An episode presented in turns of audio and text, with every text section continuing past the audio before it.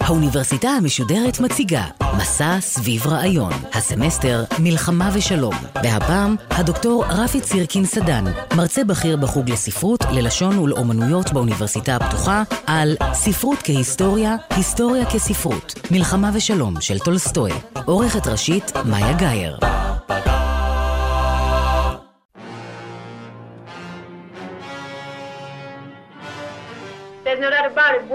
Very amusing. I must put it on my list. What list? I'm making a list of the greatest pleasures human beings are capable of in the order of their importance. I'd neglected war.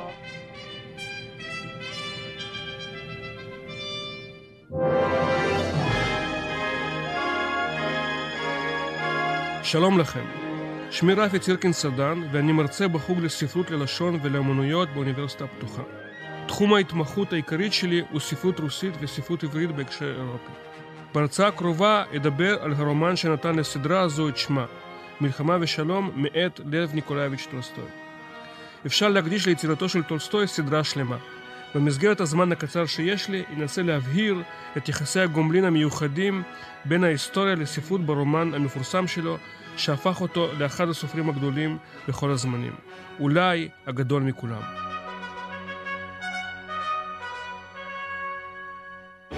במלחמה ושלום ביקש טולסטוי לרתום את אמנות הסיפור למחקר היסטורי. המהלך הזה היה כרוך בניסוי וטעייה שנמשכו ממש עד השלמת הרומן ב-1868. לנוסח הסופי המוכר של מלחמה ושלום קדמו כמה טיוטות. כהרגלו טולסטוי מחק, הוסיף ותיקן עד רגע מסירת כתב היד לדפוס. גרסתו הראשונה והקצרה למדי, בכותרת דיקבריסטים, עסקה במשפחתו של הקצין, גיבור מלחמת רוסיה-צרפת בשנת 1812, שהוגלה לסיביר בעקבות ההשתתפות במרד הדיקבריסטים ב-1825. אולם בשלב מסוים החליט טולסטוי לשנות כיוון ולטוות את עלילת הרומן סביב פלישתו של נפוליאון לרוסיה שנערכה ב-1812. בגרסתו הסופית מלחמה ושלום הוא רומן תקופתי טוטאלי. טולסטוי התלבט עד רגע האחרון בנוגע לכותרת הסופית של הרומן. שני החלקים הראשונים שלו התפרסמו בהמשכים בכתב עת תחת הכותרת 1805. הכותרת הסופית של הרומן הייתה אמורה להיות סוף טוב, הכל טוב, אך בסופו של דבר היא הוחלפה בכותרת מלחמה ושלום, ככל הנראה בהשראת כותרת ספרו של ההוגה הצרפתי הנודע פייר ז'וזף פרודון, מלחמה ושלום. בספרו הציג פרודון את המלחמה כתנאי מוקדם להולדתן של אומות גדולות, אך גם הזהיר שהן עלולות להוביל לעליית הרפתקנים כדוגמת נפוליאון, הגוזלים את התהילה לעצמם. גם טולסטוי הסתייג מאוד מדמותו של נפוליאון. אפילו יותר מכך, הוא הסתייג ממעריציו שהסתנוורו ממסלול חייו הבלתי רגיל. הולדתו בעיירה נידחת בקורסיקה, הטיפוס המהיר בסולם הדרגות בצבא הצרפתי המהפכני, המסע למצרים, ההשתלטות על צרפת וסדרה ארוכה של ניצחונות צבאיים מזהירים שהפכו אותו לאימתם של כל מצביאי אירופה. האופן שבו טולסטוי עיצב את דמותו של נפוליאון במלחמה ושלום נועדה לחולל דקונסטרוקציה למיתוס של נפוליאון, שהצית את דמיונם של צעירים שאפתנים שנים רבות לאחר מפלתו הסופית בקרב ווטרלו. כאדם שנולד למשפחה אריסטוקרטית ידועה, טולסטוי סלד משאפתנות מופרזת בקרב בני מעמדות הנמוכים, כדוגמת נפוליאון שלא היסס להקריב אלפי בני אדם כדי להטביע את חותמו על ההיסטוריה. טולסטוי סירב להאמין שליחידי סגולה יש השפעה מכרעת על המציאות. ההיסטוריה בעיניו הייתה רשת סבוכה של התניות, נסיבות וגורמים. לפיכך פעולתה של אישיות דגולה היא רק גורם אחד ברשת הזאת ולא בהכרח גורם מכריע. על כן הדקונסטרוקציה של המיתוס הנפוליאוני במלחמה ושלום הייתה כרוכה בביקורת על ההיסטוריוגרפיה שייחסה לדמויות מנהיגים ומצביעים יחידי סגולה השפעה מכרעת על מהלך ההיסטוריה. בהרצאה הזאת אני רוצה להתמקד באופן שבו טולסטוי הציג מאורעות היסטוריים ברומן בהקשר של דיון רחב יותר על הקשרים שבין ספרות להיסטוריה. כפי שנראה בהמשך, לטולסטוי היה גם הרבה מה להגיד על מקצוע ההיסטוריון ועל השימוש בספרות להבנת ההיסטוריה. נתחיל מהקומפוזיציה של הרומן והמבנה הז'אנרי שלו. טולסטוי כתב את מלחמה ושלום תוך כדי שימוש במגוון רחב של ז'אנרים ספרותיים. רומן היסטורי, כרוניקה צבאית, רומן משפחתי, מלודרמה רומנטית, אתנוגרפיה, מסה פילוסופית, מאמר מדעי על חקר ההיסטוריה. חלקיו הראשונים של הרומן מוקדשים בעיקר לקרוניקה צבאית ולתהפוכות בחיי הגיבורים בעקבות הקרבות בין צבאו של נפוליאון לבין צבאו של אלכסנדר הראשון. אך ככל שהעלילה מתקדמת, כך מתגבר הממד הפולמוסי-פובליציסטי. החלק המשפחתי ברומן מוקפא כמעט לגמרי בתיאורי פלישתו של נפוליאון לרוסיה. בשלב זה הנשפים, האבות והבגידות מאבדים את הרלוונטיות שלהם. הגיבורים כמעט לא עושים דבר מלבד להשכיב מקרוב על האירועים ההיסטוריים. כך למשל פייר בזוכוב משמש עד לכינוס החירום של נציגי האצולה ובני המעמד הבינוני בנוכחותו של יצר אלכסנדר הראשון לאחר פלישתו של נפוליאון לרוסיה. לאחר מכן פייר מתרוצץ בשדה הקרב בבורודינו כדי ללמוד על היערכות הכוחות ועל מהלך הקרב. עדויות אלה בדיוניות לגמרי, מאוד לא סביר שאזרח סקרן כמו פייר יתרוצץ בשדה הקרב, אך הן ממלאות פונקציה אינפורמטיבית חשובה שמעמידה את חיי הגיבורים בהקשר היסטורי. חייהם הפרטיים משתנים ללא היכר לאחר המלחמה. קשרים ישנים נפרמים ובמקומם נוצרים קשרים חדשים ואולי טובים יותר. בסיום המלחמה פייר בזוכוב ונטשה רוסטובה מקימים משפחה לדוגמה לאחר שורה ארוכה של אהבות נכזבות. נוכחותם של הגיבורים הבדיוניים באירועים היסטוריים שרובם ככולם מוצגים בסצנות רבות משתתפים, מרמזת גם על העמדה ההיסטוריוגרפית של טולסטוי שהולכת ומתבהרת באפילוג של הרומן. באפילוג טולסטוי זנח לחלוטין את הבדיון והציג תזות היסטוריוגרפיות של ממש, כולל ההצעה להיסטוריונים להחליף את העיסוק ביחידי סגולה למיניהם בחיפוש, ואני מצטט, אחר הסגולות המשותפות לכל היסודות הקטנים לאינסוף, שהם בחזקת נעלם. כלומר, בחיפוש אחר כל אותן אינטראקציות בין גיבוריה האלמונים של ההיסטוריה, כדוגמת פייר בזוכוב, משפחת בולקונסקי, משפחת רוסטוב, הגיבורים האמיתיים של מלחמה ושלום. כבר בזמנו של טולסטוי טענו מבקרים בני הזמן שיש סתירות רבות בין טולסטוי הסופר לבין טולסטוי ההוגה. הטענה הזו נתפסה מאז כאקסיומה. יש כאלה שסבורים שכהוגה הוא חד צדדי מאוד, ושלעומת זאת כסופר הוא היה בעל יכולת גאונית לתאר את המציאות האנושית על כל מורכבותה. מבקרים אחרים, בגדר מיעוט, טוענים שהוא היה הוגה גדול וסופר בינוני בעל אובססיה לפרטים הקטנים. אני לא בטוח שאפשר להפריד הפרדה גורפת בין הגותו לבין אומנות הסיפור שלו. למסות ההיסטוריוגרפיות והפילוסופיות המשולבות במלחמה ושלום יש משמעות נרטיבית. הן מקשרות בין החלק ההיסטורי לבין החלק המשפחתי, הן מגביהות את היצירה מהבחינה הז'אנרית מרומן משפחתי וקרוניקה צבאית לאפוס בעל תובנות פילוסופיות. טולסטוי לא מתאר לתומו קרבות או אהבות ובגידות של גיבורים וגיבורות, אלא מנסה לברר מהי אהבת אמת, איך נוצרות משפחות מאושרות ואיך נוצרות משפחות אומללות. מדוע גברים נוטשים את המשפחות שלהם ובוחרים במלחמה? מהי המלחמה? לטולסטוי אין תשובה חד משמעית לשאלות האלה. הנסיך אנדרי בולקונסקי נהנה לאתוס אריסטוקרטי של אצילות מחייבת, אך החלטתו להתגייס נובעת גם מרגש ההתנכרות ההולך וגובר כלפי אשתו, ותחושת המיאוס מהחובות החברתיים המעיקים. הנסיך אנדרי אינו מוצא סיפוק ממשי בשום דבר לפני המלחמה. הוא ממש מחפש את המוות בשדה הקרב עד המפגש עם נטשה רוסטובה לאחר פציעתו בקרב אוסטרליץ. ניקולאי רוסטוב, מעריצו של הצאר אלכסנדר הראשון, מתגייס לצבא מתוך רגש פטריוטי תמים ושותפות לאחוות גברים. הוא מוקסם מהמופע הגרנדיוזי של ההיסטוריה. באופן אירוני, מעשה הגבורה היחיד שלו הוא דיכוי מרד האיכרים בזמן המלחמה באחוזתה של מריה בולקונסקיה, אחותו של הנסיך אנדריי, שנעשית בהמשך הסיפור אשתו. גיבורים אחרים של הרומן, כמו דולוכוב ודניסוב, ששים אלי קרב והופכים לגיבורי מלחמה מכיוון שאינם מוכשרים לחיי שלום. המלחמה מאפשרת להם לפרוק את יצר האלימות שלהם. טולסטוי נמנע מלהציג עמדה חד משמעית בתיאורי מלחמה. מצד אחד הוא מתעכב על זוועותיה ועל המניעים השפלים של הקצינים והחיילים המחפשים תהילה לעצמם תוך כדי זניחת אחוות הלוחמים. מצד אחר, הוא מתאר את המלחמה כאירוע שיכול לגרום להתעלות ברמה האישית והקולקטיבית. לא יהיה זה מוגזם לטעון שבזמן כתיבת מלחמה ושלום טולסטוי הזדהה באופן גורף עם הלאומיות ואפילו עם המיליטריזם הרוסי. הוא נעשה אידיאולוג של הפציפיזם והצמחונות רק בערוב ימיו, כ-20 שנה לאחר השלמת הרומנים הגדולים שלו, מלחמה ושלום ואנה קרנינה. עם זאת, ניצני הפציפיזם ניכרים כבר במלחמה ושלום, בייחוד בתיאורי קרב אוסטרליץ, שבו הריאליזם של טולסטוי מעפיל מתיאור מפורט של אירוע מסוים לתובנות כלליות על משמעות החיים. הקרב הזה הסתיים בתבוסה הקשה ביותר של הצבא הרוסי, שלא השכיל לנצל יתרון כמותי משמעותי ואיבד בו קרוב ל-16,000 איש.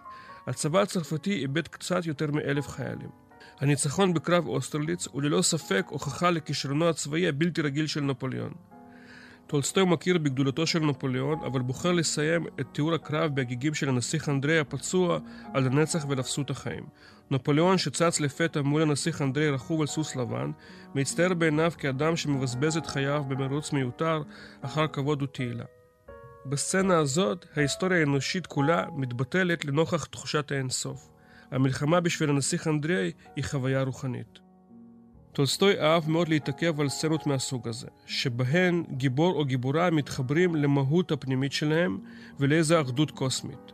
חיבור כזה לא בהכרח מתרחש במצבי קיצון בשדה הקרב. נטשה רוסטובה מתחברת למהות הפנימית הנשית שלה בסצנת הריקוד המפורסמת בתקופת השלום הקצרה אחרי קרב אוסטרליץ ולפני כיבוש מוסקבה בידי נפוליאון.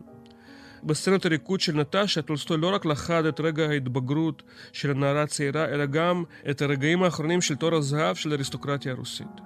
שכן בעקבות המלחמה עם נפוליאון, האריסטוקרטיה הרוסית החלה לאבד את הדומיננטיות החברתית והתרבותית שלה.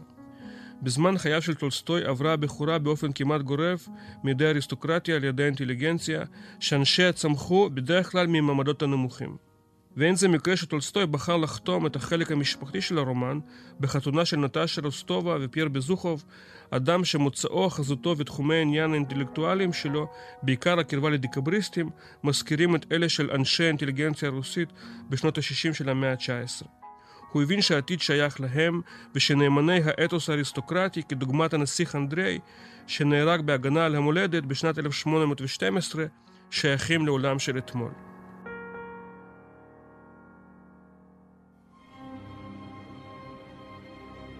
כעת נעבור לדיון באופן שבו מציג הרומן היסטוריה כספרות. בהקשר הזה אני רוצה להתייחס לאקלים הפוליטי והחברתי ברוסיה בתקופת חייו של טולסטוי. הרי כל ייצוג של עבר מושפע מהמציאות בזמן יצירתו. טולסטוי התחיל לכתוב את מלחמה ושלום זמן לא רב לאחר תבוסתה של רוסיה במלחמת קרים, שבה השתתף כקצין תותחנים. חולשתה הצבאית והמדינית של רוסיה במלחמה הזאת עוררה גל של נוסטלגיה לתקופת המלחמה המוצלחת נגד נפוליאון. בני התקופה שאלו, איך ייתכן שהצבא הרוסי שניצח את הצבא האדיר של נפוליאון הובס בטריטוריה שלו על ידי חיל משלוח אנגלי-צרפתי קטן יחסית. בעקבות המפלה יזם הצאר אלכסנדר השני כמה רפורמות, ובראש ובראשונה ביטול הצמיתות, אך יישומן של הרפורמות יצר קיטוב חברתי חריף וגרם רדיקליזציה בקרב האינטליגנציה. בשנת 1866 ניסה סטודנט רדיקלי להתנקש בחייו של הצאר. אגב, רדיקלים רבים ברוסיה בשנות ה-60 של המאה ה-19 הפגינו הערצה גלויה לנפוליאון. להערצה הזאת היו גם ביטויים ספרותיים. כך למשל רסקולניקוב, גיבור החטא ועונשו, משתמש בנפוליאון כדוגמה לביסוס התיאוריה שלו על יחידי סגולה המשוחררים מכללי המוסר החלים על אנשים רגילים. רצח המלווה בריבית אמור היה להיות רק צעד ראשון בדרכו של רסקולניקוב אל הפסגה לקראת הפיכתו לגואל האומה והאנושות כולה. המיתוס של נפוליאון, שעיצובו החל עוד בימי שלטונו, הציג אותו כמושיע האומה הצרפתית. טולסטוי היה קשוב מאוד לרעיונות מהסוג הזה ולקיטוב החברתי ההולך וגובר ברוסיה. ייתכן שהוא בחר לכתוב רומן היסטורי על מלחמה לאומית הירואית נגד כובש זר בעבר הלא רחוק כדי להציג את פוטנציאל החיבור בין השדרות השונות של העם הרוסי.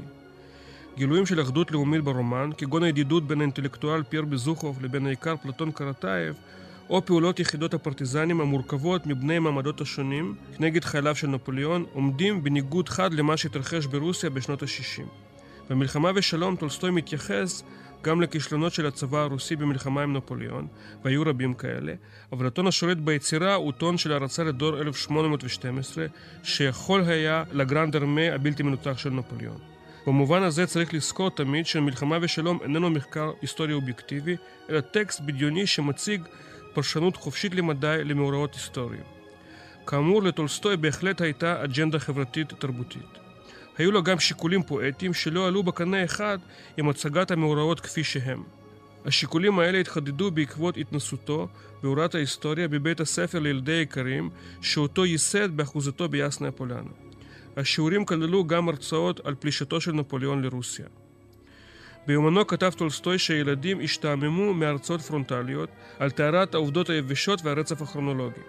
מנגד, הילדים גילו התלהבות רבה ברגע שסטה מהרצאה הכרונולוגית והחל לדבר על המניעים של האישים ההיסטוריים, כלומר כל מה ששייך היום לתחום של פסיכו-היסטוריה.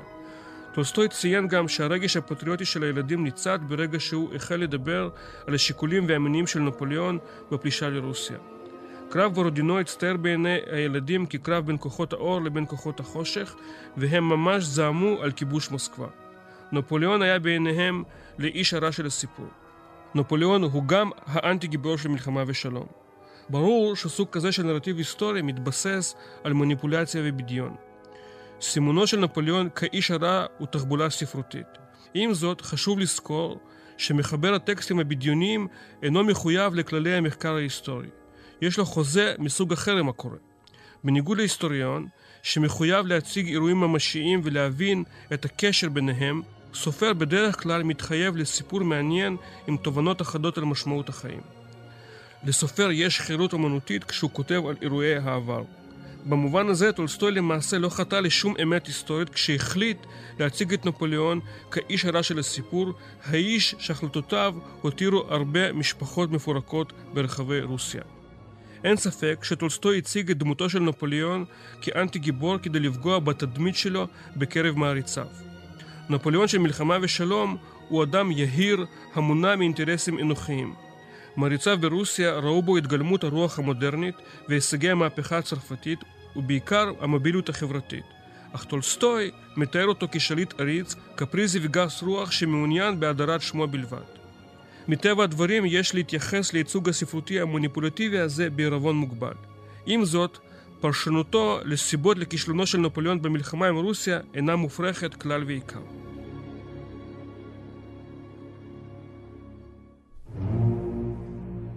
ואולם, מה שמעניין במלחמה ושלום הוא לא רק האופן בו ההיסטוריה מוצאת את דרכה לספרות, אלא גם האופן בו הספרות הופכת לכלי במחקר היסטורי. בדיון ההיסטוריוגרפי במלחמה ושלום, טולסטוי טוען שנפוליאון היה מודע לכך שאלכסנדר לא יוכל לקבל את תנאיו להסדר מדיני אחרי שהצבא הצרפתי יפלוש לרוסיה מבלי לאבד את שלטונו, אבל בחר להתעלם מכך. לדעתו של טולסטוי, הפלישה לרוסיה התרחשה בכוח האנרציה של מלחמות קודמות של נפוליאון נגד הקואליציה של הכוחות השמרניים שביקשו להחזיר לצרפת את המשטר הישן. ועל כן אין זה מפתיע שהוא איבד שליטה על המתרחש. אלה טענות סבירות מאוד, והוא צודק לגמרי בטענה שהחלטתו של נפוליאון להיכנס למוסקבה במקום לחפש קרב נוסף נגד הצבא הרוסי, חרצה את גורל המערכה. הדיון הפסיכו-היסטורי של טולסטוי מראה שאהבת הכבוד שדחפה את נפוליאון פעם אחר פעם להיכנס כמנצח לבירות המדינות המובסות, שיבשה לחלוטין את שיקול דעתו. כאן חשוב לציין גם שהצבא הרוסי אומנם ספג מהלומה כואבת בקרב בורודינו, אך גם גרם לאבדות כבדות לצבא הצרפתי. למעשה קרב בורודינו הסתיים ללא הכרעה ברורה. ויתור על הגנה על מוסקבה היה מהלך טקטי ולא סימן לכניעה. והמהלך הזה הצליח מאוד. ברגע שהצבא הצרפתי התמקם במוסקבה הוא הפך בתוך ימים מעטים לאספסוף צמא ביזה. נפוליאון הורה על נסיגה, אבל כבר לא יכול היה לשלוט על חייליו, שהפכו טרף קל לפשיטות הצבא הרוסי הרענן. חיילים צרפתיים רבים מתו בקור וברעב בדרכם הביתה. אחרי ארבעה חודשי מלחמה במרחבי רוסיה, הצבא הצרפתי, שמנה חצי מיליון איש, הושמד כמעט לחלוטין. נפוליאון מעולם לא התאושש מהמפלה הזאת. ערב הקרב המכריע ליד לייפציג נגד קואליציה רוסית-אוסטרית-פרוסית שחרץ את גורלו הפוליטי, עמדו לרשותו כוחות מוגבלים למדי. טולסטוי מייחס לגנרל קוטוזוב את גיבוש האסטרטגיה להבסתו של נפוליאון, כולל ההחלטה להסיג את הצבא מאזור מוסקבה ולא לפתוח בקרב גדול נוסף שהפסד בו עלול היה להוביל לניצחון צרפתי מוחץ. טולסטוי חש אהדה רבה לדמותו של קוטוזוב ואף מציג אותו כניגודו המוחלט של נפוליאון. קוטוזוב ונפוליאון הם שני קטבים של הרומן. קוטוזוב הוא התגלמות החכם הזקן שמעדיף לא ליזום יותר מדי ולהתנהל לנוכח זרם המאורעות מתוך הנחה שאין לו שליטה של ממש על המתרחש. הוא מעדיף לקרוא רומנים במקום לשמוע דיווחי מודיעין. כנראה שרק בדרך זו הוא יכול ללמוד על טבע האדם שהכרתו הכרחית לניצחון במלחמה. הוא דורש מקציניו, בהם גם הנסיך אנדרי בולקונסקי, לוודא שההחלטות שלהם נקיות משיקולים זרים, ובעיקר מחיפוש אחר התהילה ומהרצון להוכיח את עצמם בשדה הקרב נגד יריב גדול. אין כמעט כל קשר בין דמותו החביבה של קוטוזוב במלחמה ושלום לבין קוטוזוב האדם, בשר ודם, שהיה ידוע כאשף האינטריגות הפוליטיות וטקטיקן צבאי מתוחכם שהתיש את צבאו של נפוליאון בסדרה של מרדפים ופשיטות פתע. עם זאת, החלטתו לוותר על ההגנה על מוסקבה לא נבע מאיזו אסטרטגיה מתוכננת מראש, והוא אף ספג על כך ביקורת קשה. הציבור הרוסי דרש קרבות הירואיים שהיו שנואים על קוטוזוב. הוא לא אהב לבזבז חיי אדם ללא מטרה ברורה. הביקורת פסקה לאחר שצבאו של נפוליאון גורש בבושת פנים מרוסיה. אחרי המלחמה היה קוטוזוב לגיבור לאומי ברוסיה. ותיקי 1812 זעמו על כך שטולסטוי הציג את קוטוזוב ברומן כאדם רך והססן, חובב יין ומאכלים מעודנים, שמרשה לעצמו להירדם בתדריך ערב קרב אוסטרליץ שעתיד לקבוע את גורלה של אירופה. הם גם לא ראו בעין יפה את ניסיונו להפחית בתיאורו מכישוריו הצבאיים והדיפלומטיים של נפוליאון, תיאור שלדבריהם גרע מההישג של הצבא הרוסי שנלחם באויב מתוחכם ואכזרי ביותר. מבקרים אלה כנראה שכחו שהם קוראים יצירה בדיונית ולא מחקר היסטורי. לטולסטוי לא הייתה שום כוונה להציג ביוגרפיה מדעית של קוטוזוב או של נפוליאון. טולסטוי היה חשדן כלפי הז'אנר הביוגרפי שמדגיש באופן מופרז את השפעתם של יחידי סגולה על מהלך ההיסטוריה. כאמור, היסטוריה בעיניו היא סבך מורכב של נסיבות וגורמים שלא ניתן לפתור על ידי מיקוד הנרטיב באישיות אחת, דגולה ככל שתהיה. איסוף המידע על מהלכים צבאיים ודיפלומטיים אינו יכול להציג את התמונה ההיסטורית במלואה. במלחמה ושלום טולסטוי מלגלג באופן גלוי על פולחן העובדות שהיה חביב מאוד על היסטוריונים במאה ה-19. במידה רבה הגישה ההיסטוריוגרפית שלו עולה בקנה אחד עם התזה המפורסמת של פרידריך ניטשה שאין עובדות, יש רק פרשנות, שנוסחה כמעט במקביל לכתיבת מלחמה ושלום. הגישות הללו מאתגרות מאוד את ההיסטוריוגרפיה הפוזיטיביסטית שדוגלת בהבנת העבר במונחים של סיבה ותוצאה. עולה ממנה שורה ארוכה של שאלות. האם באמת אפשר לגלות את כל העובדות על העבר? האם ניתן לראות בהיסטוריה תחום מדעי? או שמא ההיסטוריה היא למעשה אוסף של סיפורים פרטיים שמגובה בפרשנויות כאלה ואחרות? ואם כך, אולי דווקא השימוש בבדיון בתיאורי העבר יכול להשלים את מה שחסר במחקר ההיסטוריה הפוזיטיביסטי. הרי ההיסטוריון יכול להציג ברמה סבירה של ודאות רק את התנהגותם הפומבית של הגיבורים המפורסמים של ההיסטוריה. ככלות הכל, איש לא יכול לדעת מה באמת התחולל בנפשו של מנהיג כזה או אחר. ניתן רק לשער. וגם אם יקום היסטוריון ויציג ברמה סבירה של ודאות את כוונותיו ואת מניעיו של נפוליאון ערב הפלישה לרוסיה, הוא לעולם לא יוכל לעמוד על הכוונות, על המניעים ועל הפעולות של מאות אלפי הקצינים, החיילים והאזרחים האלמוניים שהשתתפו במערכה. אולם הסופר יכול לעשות זאת. הוא יכול לקשר בין הגיבורים המפורסמים של ההיסטוריה לבין גיבוריה האלמוניים. וזה בדיוק מה שטולסטוי עושה במלחמה ושלום על ידי שילוב דמויות היסטוריות ודמויות בדיוניות בעלילת הרומן. הוא גואל את גיבורי ההרמונים של ההיסטוריה מתהום הנשייה. הוא מראה שלאלה יש השפעה עצומה לאירועים, שאולי אפילו עולה על החלטה של מנהיג או מצביא כזה או אחר. תיאורי הקרבות ברומן מראים שהתנהגותם של קצינים זוטרים או חיילים פשוטים בשדה הקרב קובעת הרבה יותר מהחלטות הקצינים הבכירים. קרל פון קלאוזוויץ, אבי התיאוריה המדעית של המלחמה, שמופיע כדמות משנית במלחמה ושלום, היה מן הסתם חולק על טולסטוי. לשיטתו המלחמה היא המשך מדיניות באמצעים אחרים, אשר נקבעת על ידי המדינאים והמצביאים הגדולים. קלאוזוויץ ודאי מתהפך בקברו לנוכח הייצוג הקריקטורי של קוטוזוב ונפוליאון ושלו עצמו, והצגתם של אנשים רגילים כגיבוריה האמיתיים של ההיסטוריה.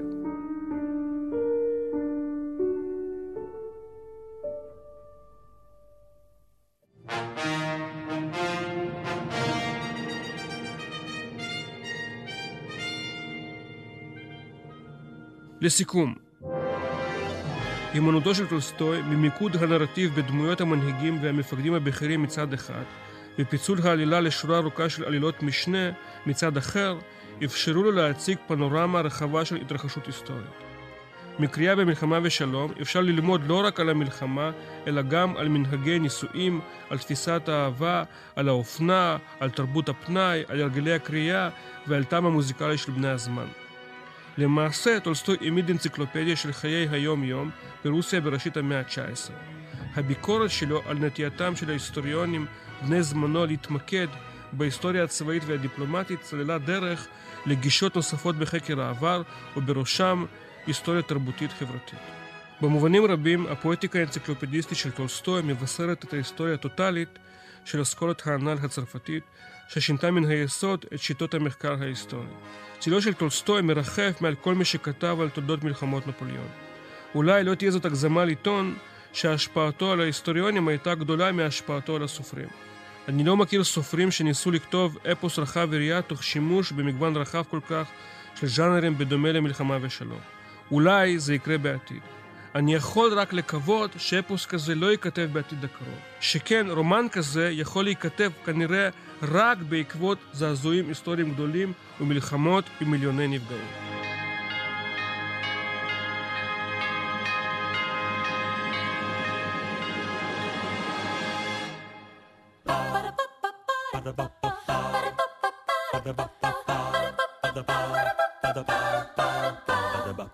האוניברסיטה המשודרת, מסע סביב רעיון. הדוקטור רפי צירקין סדן, מרצה בכיר בחוג לספרות, ללשון ולאומנויות באוניברסיטה הפתוחה, על ספרות כהיסטוריה, היסטוריה כספרות, מלחמה ושלום של טולסטוי. עורכת ראשית, מאיה גאייר. עורכת ומפיקה, נוגה סמדר. האוניברסיטה המשודרת בכל זמן שתרצו, באתר וביישומון גלי צה"ל, ובדף הפייסבוק של האוניברסיטה המשודרת.